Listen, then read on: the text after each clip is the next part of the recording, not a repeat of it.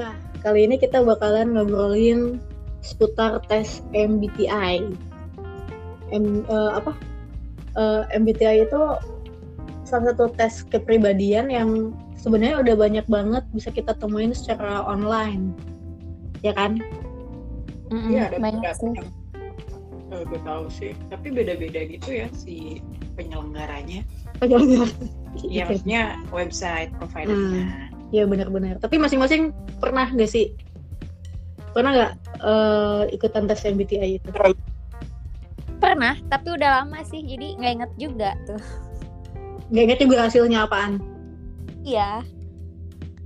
Gue sih termasuk yang sering berkali-kali tes MBTI karena Tapi, kayak penasaran gitu, freak gitu. Gue pengen tes MBTI, pengen tahu. Salah, nggak semuanya uh, sama gitu diadaptasi lagi kan sesuai dengan si negaranya kalau nggak salah. Bisa dibikin adaptasinya gitu loh jadi nggak nggak 100% sama kayak yang aslinya. Kalau nggak salah sih itu yang tahu ya.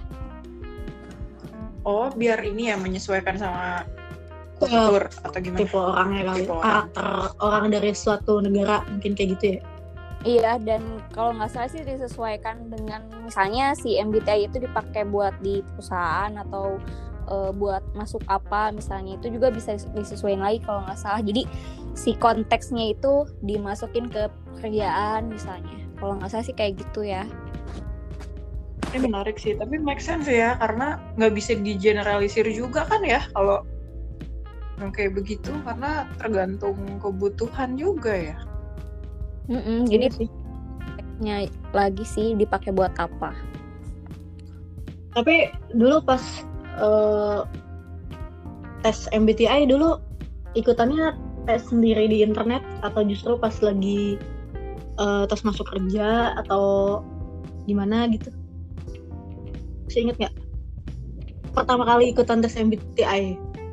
Kalau gue sih dulu pernah uh, ikut iseng. Sebenarnya awalnya nggak begitu paham juga MBTI itu apa sih kayak tes tes psikologi doang. Dulu dapat linknya dari seorang temen terus ya gue iseng-iseng aja kayak tes uh, ngisi beberapa pertanyaan gitu kan. Terus hasilnya muncullah hasilnya kayak INFJ, INTJ yang kayak begitu-begitu. Tapi dari hmm. yang tes iseng kayak gitu gue sendiri malah jadi kayak di satu sisi gue oh iya ya ternyata gue begini tapi di sisi lain juga takutnya nih ngetes ngetes mandiri kayak gitu kan malah jadi bikin kita uh, menkultuskan bahwa kita itu seperti hasil tes itu gitu ngerti gak sih? Hmm, ngerti ngerti. Gue sih, uh, gue sih termasuk yang cukup dipengaruhi sama hasil ya, karena jadinya ketika setelah gue tahu nih, gue kan INF, INFJ T terus beberapa bulan kemudian gue berubah jadi INTJT nah tapi gue uh, merasa memang itu benar karena gue berusaha mengurangi beberapa hal yang terlalu F dalam hidup gue supaya bisa jadi uh, lebih logis gitu. Karena kan F sama T itu kan uh, kontradiktif ya. Hmm. gue tuh kayak ngerasa wah ini gue terlalu banyak ngandelin feeling intuisi gitu. Terus jadinya gue makin ke sini makin wah kayaknya ini gue mesti logis nih gue mesti ubah pola pikir gitu kan. Terus mesti banyak-banyak lagi latihan dengan apa ya uh, ya gitulah intinya ada masalah kayak gimana kita hadapin that's why setelah gue tahu gue NFJ dan gue ngerasa terlalu banyak F-nya ya gue mulai merubah cara pandang gue dalam menghadapi sesuatu. Jadinya kalau gue sih ngerasa terbantu loh meskipun itu cuma tes tes online pribadi gitu nggak nggak yang ke profesional atau coach atau terapis gitu sih. Ya tapi kalau ngomongin cara pandang sih sebenarnya dengan seiring waktu berjalan semakin nambah umur semakin nambah pengalaman bukannya bakal berubah juga ya kalau pola pikir? Iya sih.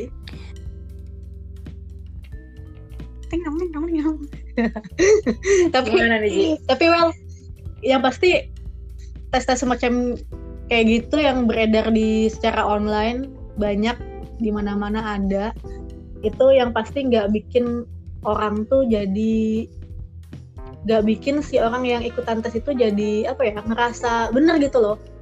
Kalau cuma buat ngukur diri sih kalau menurut gue so far fine fine aja ya. Tapi asal jangan sampai misalnya nih dapat hasil A dapat hasil B terus kita jadi oh iya gue A oh iya gue B kayaknya kurang bijak bijak aja gitu kalau kayak gitu. Soalnya kan manusia pasti berubah seiring dia bertambah usianya pengalaman hidupnya apa yang pernah dilalui sama dia. Pasti pasti berubah sih kalau menurut gue meskipun itu ya lambat misalnya. Gitu. Menarik sih pas dia bilang lambat. Karena lambat. Bukan. Karena uh, ini salah satu tool untuk speed up the proses aja sih kayaknya ya yeah, bisa jadi sih ini gue ngomong ngomong doang nih gue nggak tahu nih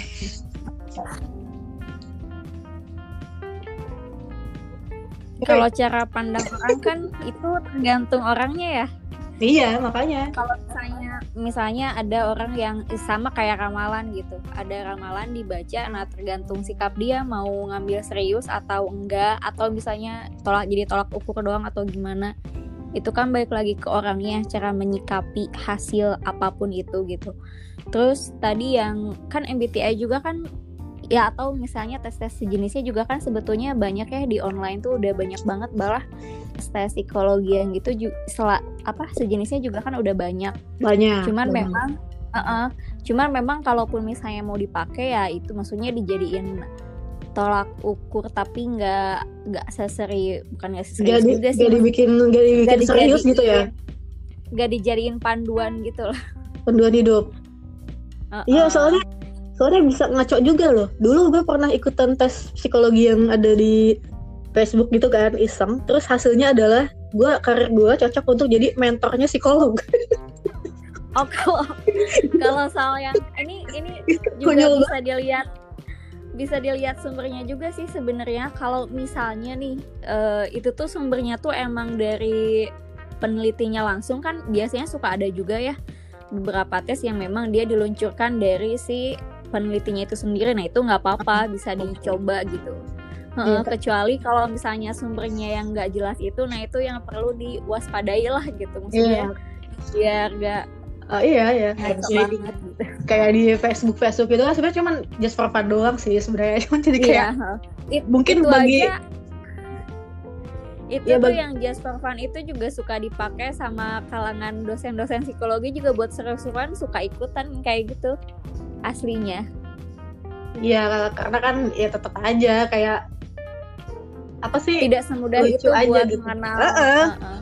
nggak cuman kayak bikin tes terus orang ikutan tes terus hasilnya jadi langsung ada gitu kan nggak kayak gitu juga Mm-mm. apalagi cuman kalau cuman milih cuman misalnya 10 pertanyaan doang terus tiba-tiba hasilnya ya gitu kayak gue tiba-tiba hasilnya karir gue adalah cocok jadi mentornya psikolog kayak Hmm. konyol banget gitu Tapi kalau- emang ada beberapa sumber yang bagus dan disarankan sih, apalagi buat anak-anak muda yang uh, misalnya dari mau kuliah, misalnya ada beberapa kayak web gitu yang biasanya dijadiin, ayo coba ini biar tahu dia tuh ke mana arahnya. Ada juga, cuman ya itu sih sumbernya itu yang perlu di apa ya istilahnya diteliti lagi lah. di validasi dicek. dicek Hmm. Heeh, kayak gitu. Karena sebetulnya memang itu membantu juga ya di saat kalau menurut aku sih eh, melayanan psikologi itu ya atau bisa buat pendidikan atau apa pun kan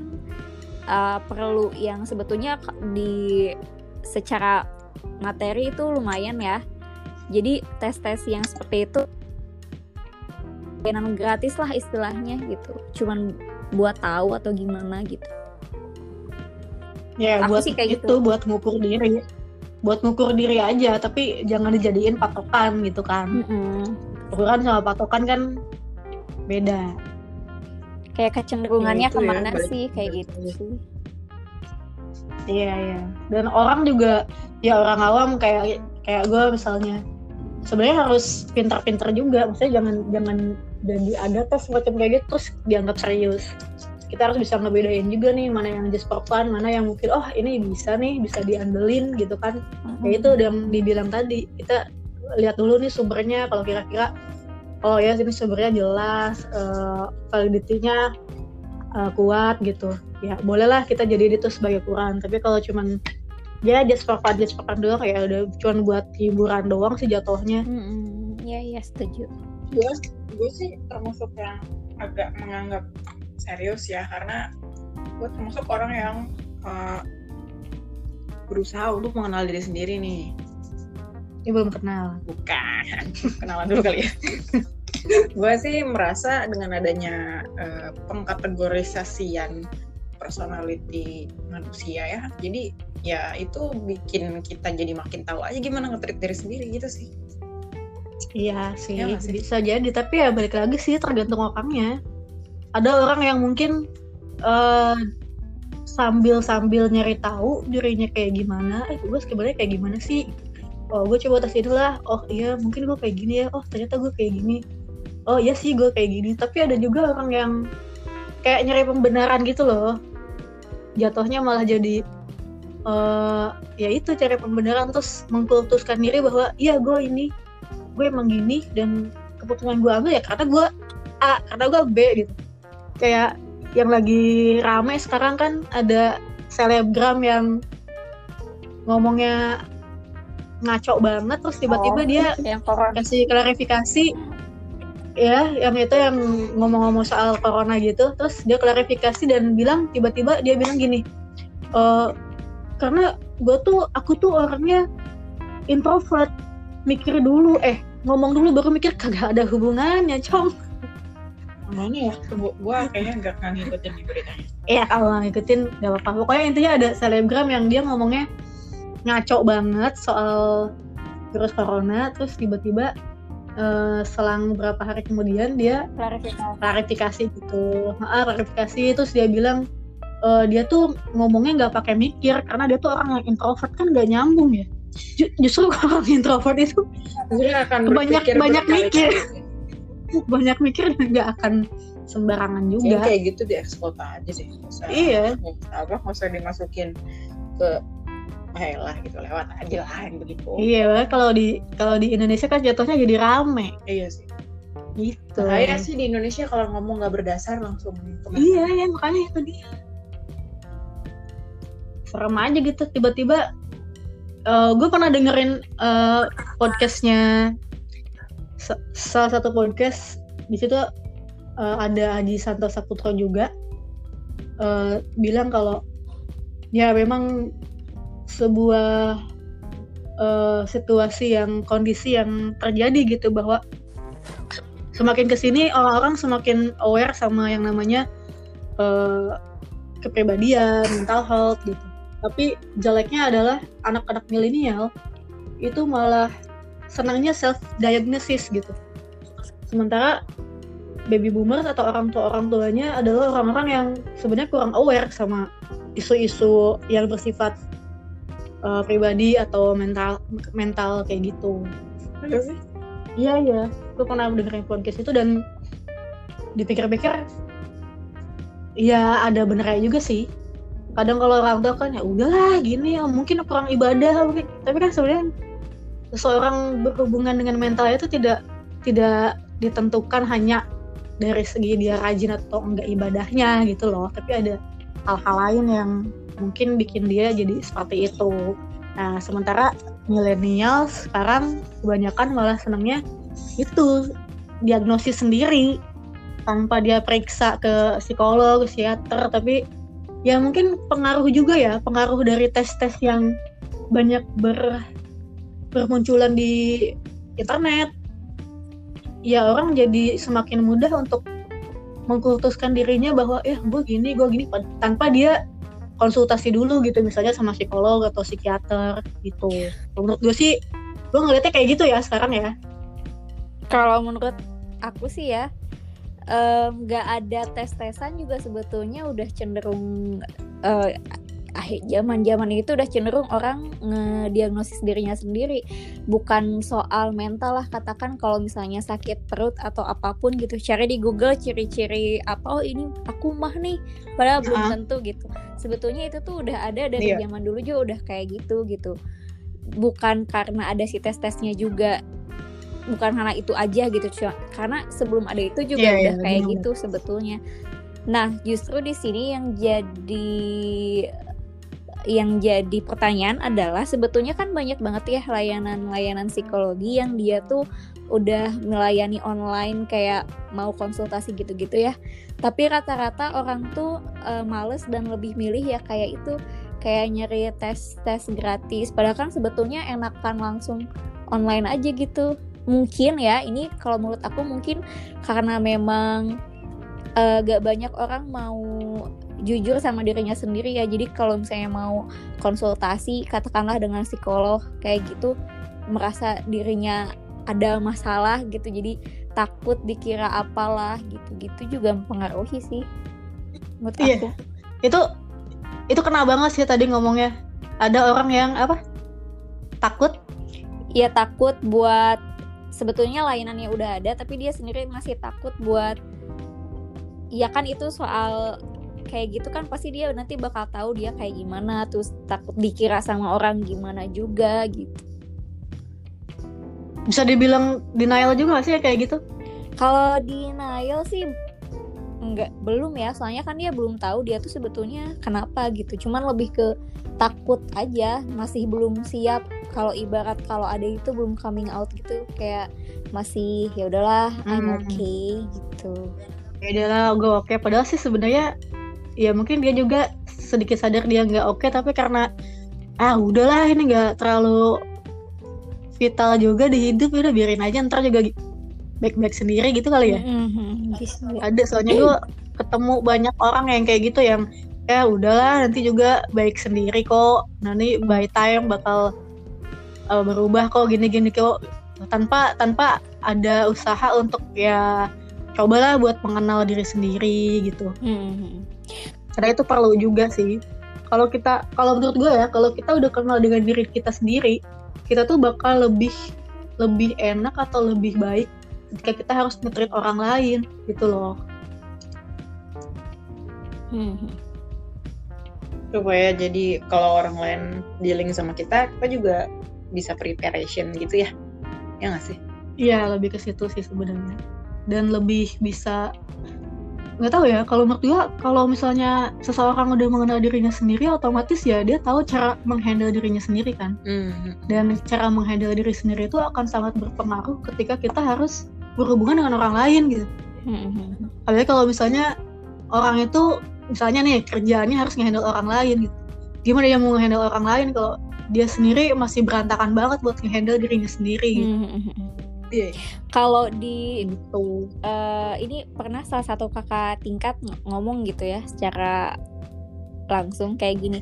Kalau kita punya payung katanya, terus hujan, jangan nolongin orang dulu jangan ngasihin payung lu ke orang dulu katanya gitu payungin lu dulu hmm. baru lu nyamperin orang itu yuk kita bareng-bareng nih pakai payung gitu jadi istilahnya uh, sama kayak tadi jadi kit gimana kita mau istilahnya nolong, nolong orang kalau kita sendiri nggak nolong diri sendiri ya kayak gitulah mungkin dia analoginya. Nah iya.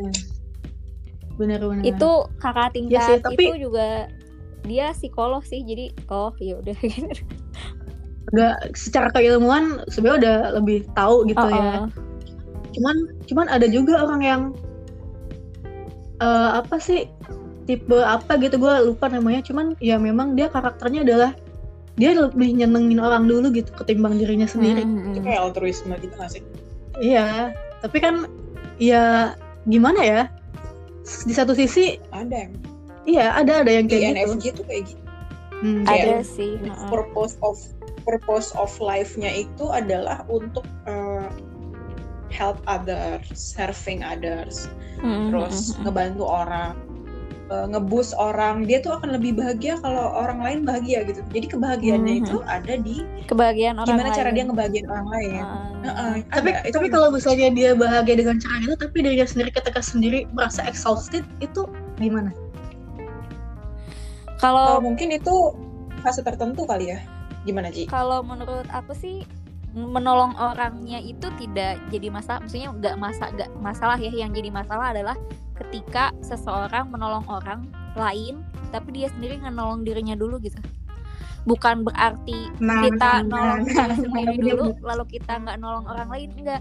Justru kita tolong yeah. diri sendiri dulu. Yuk kita tolong yang lain bareng-bareng juga gak jadi masalah gitu tapi yang jelas uh, selamatin diri sendiri dulu ibaratnya kalau naik pesawat nih ibu gitu kan bawa anak balita yang pakai oksigen siapa dulu? Ibu dulu nah, tetap benar, benar. ya Jangan sendiri dulu dulu, sendiri uh, dulu. karena gimana dia mau nyelamatin orang lain kalau dia sendiri nggak selamat? Ibaratnya kayak gitulah ya.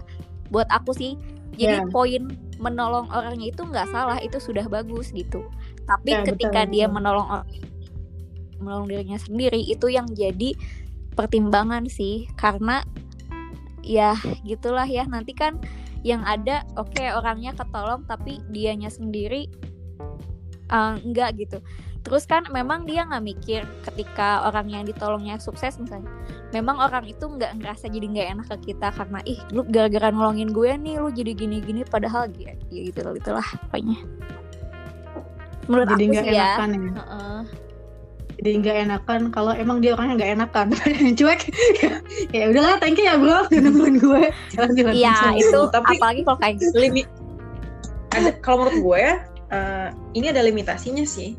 Jadi gini nih eh, gue menghadapi eh, satu kondisi. Bukan gue yang mengalami sih tapi kayak gue ngeliat gitu satu kondisi di mana ada satu orang INFJ nih dia tuh nggak eh, dia tuh memang seneng nolong orang. Terus eh, dia ngerasa kalau eh, ya gue happy nih nolongin orang lain gitu. Nah ternyata kondisi kondisi kesukaan dia menolong orang itu malah dimanfaatkan sama orang yang memang cari kesempatan. Jadi kayak eh, ngambil kesempatan aja gitu dengan posisi si INFJ ini yang senang nolong. Jadinya dia nggak sadar kalau dia tuh malah udah ngabisin energinya sendiri gitu loh. Dianya nggak sadar, bukan dia bukan nggak nolong diri sendiri, tapi dia nggak sadar kalau dirinya tuh perlu berdiri dulu gitu. Nah itu kalau kayak gitu udah udah susah. Itu itu jadinya masalah kan. Itu adalah kenapa jadi masalah karena dia belum tahu dirinya itu seperti apa. That's why kenapa gue ngerasa kalau ada setiap orang tahu personality type-nya masing-masing bisa handle gitu. Jadi ketika orang itu tahu, oh ini gue INFJ, INFJ karakternya begini. Kalau gue ngerasa capek ngebantu orang apa gimana, oh berarti gue harus mulai ready to say no gitu loh. Berani ngomong enggak, berani ngomong batas gitu-gitu doang sih sebenarnya. ya beda-beda sih beda-beda mungkin ada ada kondisi yang kayak gitu tapi eh, kalau gue ng- ngelihat diri gue sendiri ya gue tuh sebenarnya orang yang mikirin diri gue sendiri dulu ketimbang mikirin orang lain dulu gitu. Tapi jatuhnya nih jatuhnya untuk beberapa orang yang mungkin nggak paham dengan situasi gue itu jatuhnya adalah menganggap gue egois gitu kan. Lebih pentingnya diri sendiri dulu gitu ketimbang orang lain. Padahal ya kalau gue pribadi gue nggak bisa nolong orang lain sih. Jujur aja kalau gue belum menolong diri gue sendiri. Gitu. kadang kalaupun dianggap bisa nolong orang lain tuh sebenarnya ya kayak kebetulan aja gitu. Kebetulan aja misalnya gue ngomongnya pas dengan situasi orang yang memang sedang membutuhkan pertolongan gitu loh. Balik lagi sih kalau menurut gue ya gimana orangnya dan eh, gue pribadi kalau ngelihat kayak tes MBTI gitu sebenarnya kayak apa ya jatuhnya malah jadi kayak pembenaran sih. Bukan karena gue nggak tahu gue seperti apa lalu setelah ikutan tes itu lihat hasilnya oh ternyata gue begini. Nggak kayak gitu gitu. Kalau gue lebih ke ketika gue tahu hasilnya adalah eh eh, INTJ misalnya gue merasa oh ini iya nih ini yang udah dijabarin hasilnya ya sebenarnya ya gue udah tahu sih sebenarnya gitu loh jadi cuman kayak oh iya ya udah gitu nggak jadi bikin gue oh berarti gue harus berubah ini nih berarti gue harus begini nih gitu nggak jadi kayak gitu sih kalau gue pribadi ya kayak gitu Kalau aku sih ya em, kalau MBTI itu sendiri kan sebetulnya dari sekian banyak tes kepribadian katakanlah gitu ya. Karena emang kayak gitu sebetulnya. Iya, iya. Terus em, di si MBTI ini juga banyak banget dipakai nggak cuman ketika buat nge- mengetahui kepribadian seseorang secara umum, tapi juga bisa dipakai buat kalau misalnya ada karyawan mau masuk perusahaan dan lain sebagainya itu bisa di eh, konteksnya bisa disesuaikan gitu. Sebetulnya si MBTI itu sendiri membantu ya, membantunya tuh em, betul tadi membantu kita mengenal uh, seseorang iya tapi mungkin tidak secara mendalam kayak baru permeable-nya gitulah jadi kalau misalnya memang ingin tahu banget kepribadiannya sebetulnya banyak tes yang memang lebih kedalamannya tuh lebih dalam lagi ketimbang MBTI ini. Cuman kalau misalnya kita mau mengetahui kepribadian seorang uh, secara umumnya atau kecenderungan-kecenderungannya kayak apa, bisa dipakai MBTI gitu. Jadi tidak salah sebetulnya penggunaan MBTI itu. Nah, terkait penafsiran si orang terkait hasilnya pasti diserahkan lagi ke orangnya masing-masing kan. Ada yang mengira itu sebagai bahan refleksi oh karena gue gini berarti aku harus uh, misalnya meningkatkan levelku nggak cuma di sini nih harus saya ke gini bisa nggak ya? Sebetulnya bisa aja gitu. Manusia kan dinamis dia berubah gitu. Ketika dia melihat suatu hasil apakah dia akan seperti itu? Kan aku begitu ya aku akan begitu. Ada lagi orang yang oh gini ya gue tapi kok ngerasa kayak gak boleh nih kayak gini agak jelek. Misalnya kalau menurut dia kayak gitu dia bisa hmm. mengembangkan dirinya dia gitu. Jadi terkait penafsiran itu nggak bisa dikontrol orang mau nafsirinnya kayak gimana. Tapi secara MBTI itu membantu uh, itu membantu gitu. Membantunya nggak cuma membantu diri kita sendiri tapi membantu pihak-pihak yang ingin mengenal uh, diri kita. Misalnya perusahaan ingin mengenal karyawannya dan lain sebagainya sih gitu. Kalau menurut aku ya. Setuju sih setuju banget sih. Karena kan sebenarnya tools ini dipakai ya memang harus buat uh, apa memang tujuannya ya memang untuk itu ya untuk mengetahui orang ya. Mm -hmm. tergantung ya memang tergantung. Ya penting sih kayaknya semua orang harusnya tahu sih dan ini harusnya jadi dasar di pelajaran sekolah sih gue rasa ini bagus sih karena karakter personality itu tuh penting sih buat diketahui dari sejak dini. Dan akan terus kepake dan ini tuh akan meskipun ya dan ini tuh ini tuh si MBTI itu umum loh jadi kayak umumnya tuh kayak gimana nih seorang ini? Belum dalamnya sampai klinikal gitu. Enggak karena kalau mm, mengenal yeah, yeah, yeah, kepribadian seseorang tuh nggak semudah itu tidak secepat itu gitu. Jadi kalau pengen tahu banget sih ada rangkaian tes lainnya. Cuman si ini tuh kayak ibaratnya kalau lu tes gitu ini tuh cuman mau tahu uh, depannya uh, depannya kita aja depannya tuh uh, uh, depannya tuh udah yeah, yeah. kulit bagian keberapa kali gitu. Baru di dikuliti lagi gitu yeah, kan. bener. nah kalau misalnya secara umum sih ini emang banyak banget digunakan dan memang membantu gitu. Menurut aku sih ya tapi nggak tahu juga. Ya ya benar karena sebenarnya kalau ngomongin soal kepribadian ngomongin soal manusia individu itu sebenarnya adalah sesuatu yang sangat kompleks ya kita nggak hmm, bisa memukul rata ya, begini banget. orang ini kelihatannya kayak gini A orang ini B kayak B gitu nggak bisa kayak gitu hmm. juga makanya ya tes tes semacam MBTI ini sebenarnya ya untuk um, menggali atau untuk mengetahui pribadi seseorang ya, secara garis hmm. besar aja, secara garis ya. besar, tapi spesifiknya, uh -uh, tapi spesifiknya ya, ya itu nggak bisa diukur dari tes-tes semacam kayak gitu. Perlu tes, tes yang lebih lanjut lagi. biar datanya tuh komplit gitu. Oh, dapat satu buletan iya. itu ibaratnya baru dari satu perempat berapa perempatnya gitu, 16 Yes, that's right, that's right. Oke deh, jadi ya gitu uh, buat teman-teman semua yang dengerin podcast ini, kalian gak ada salahnya untuk ikutin kayak tes macam MBTI di online banyak kok. Tapi ya itu cuman kayak garis besarnya dan doang cari dan sumber yang uh, bukan ya. untuk ya ya benar-benar cari sumber terpercaya dan jangan sampai itu bikin uh, diri kita ketika mengetahui hasilnya mengkultuskan bahwa kita seperti ini cuman buat ya kita tahulah sedikit tentang diri kita yang mungkin kita abai terhadap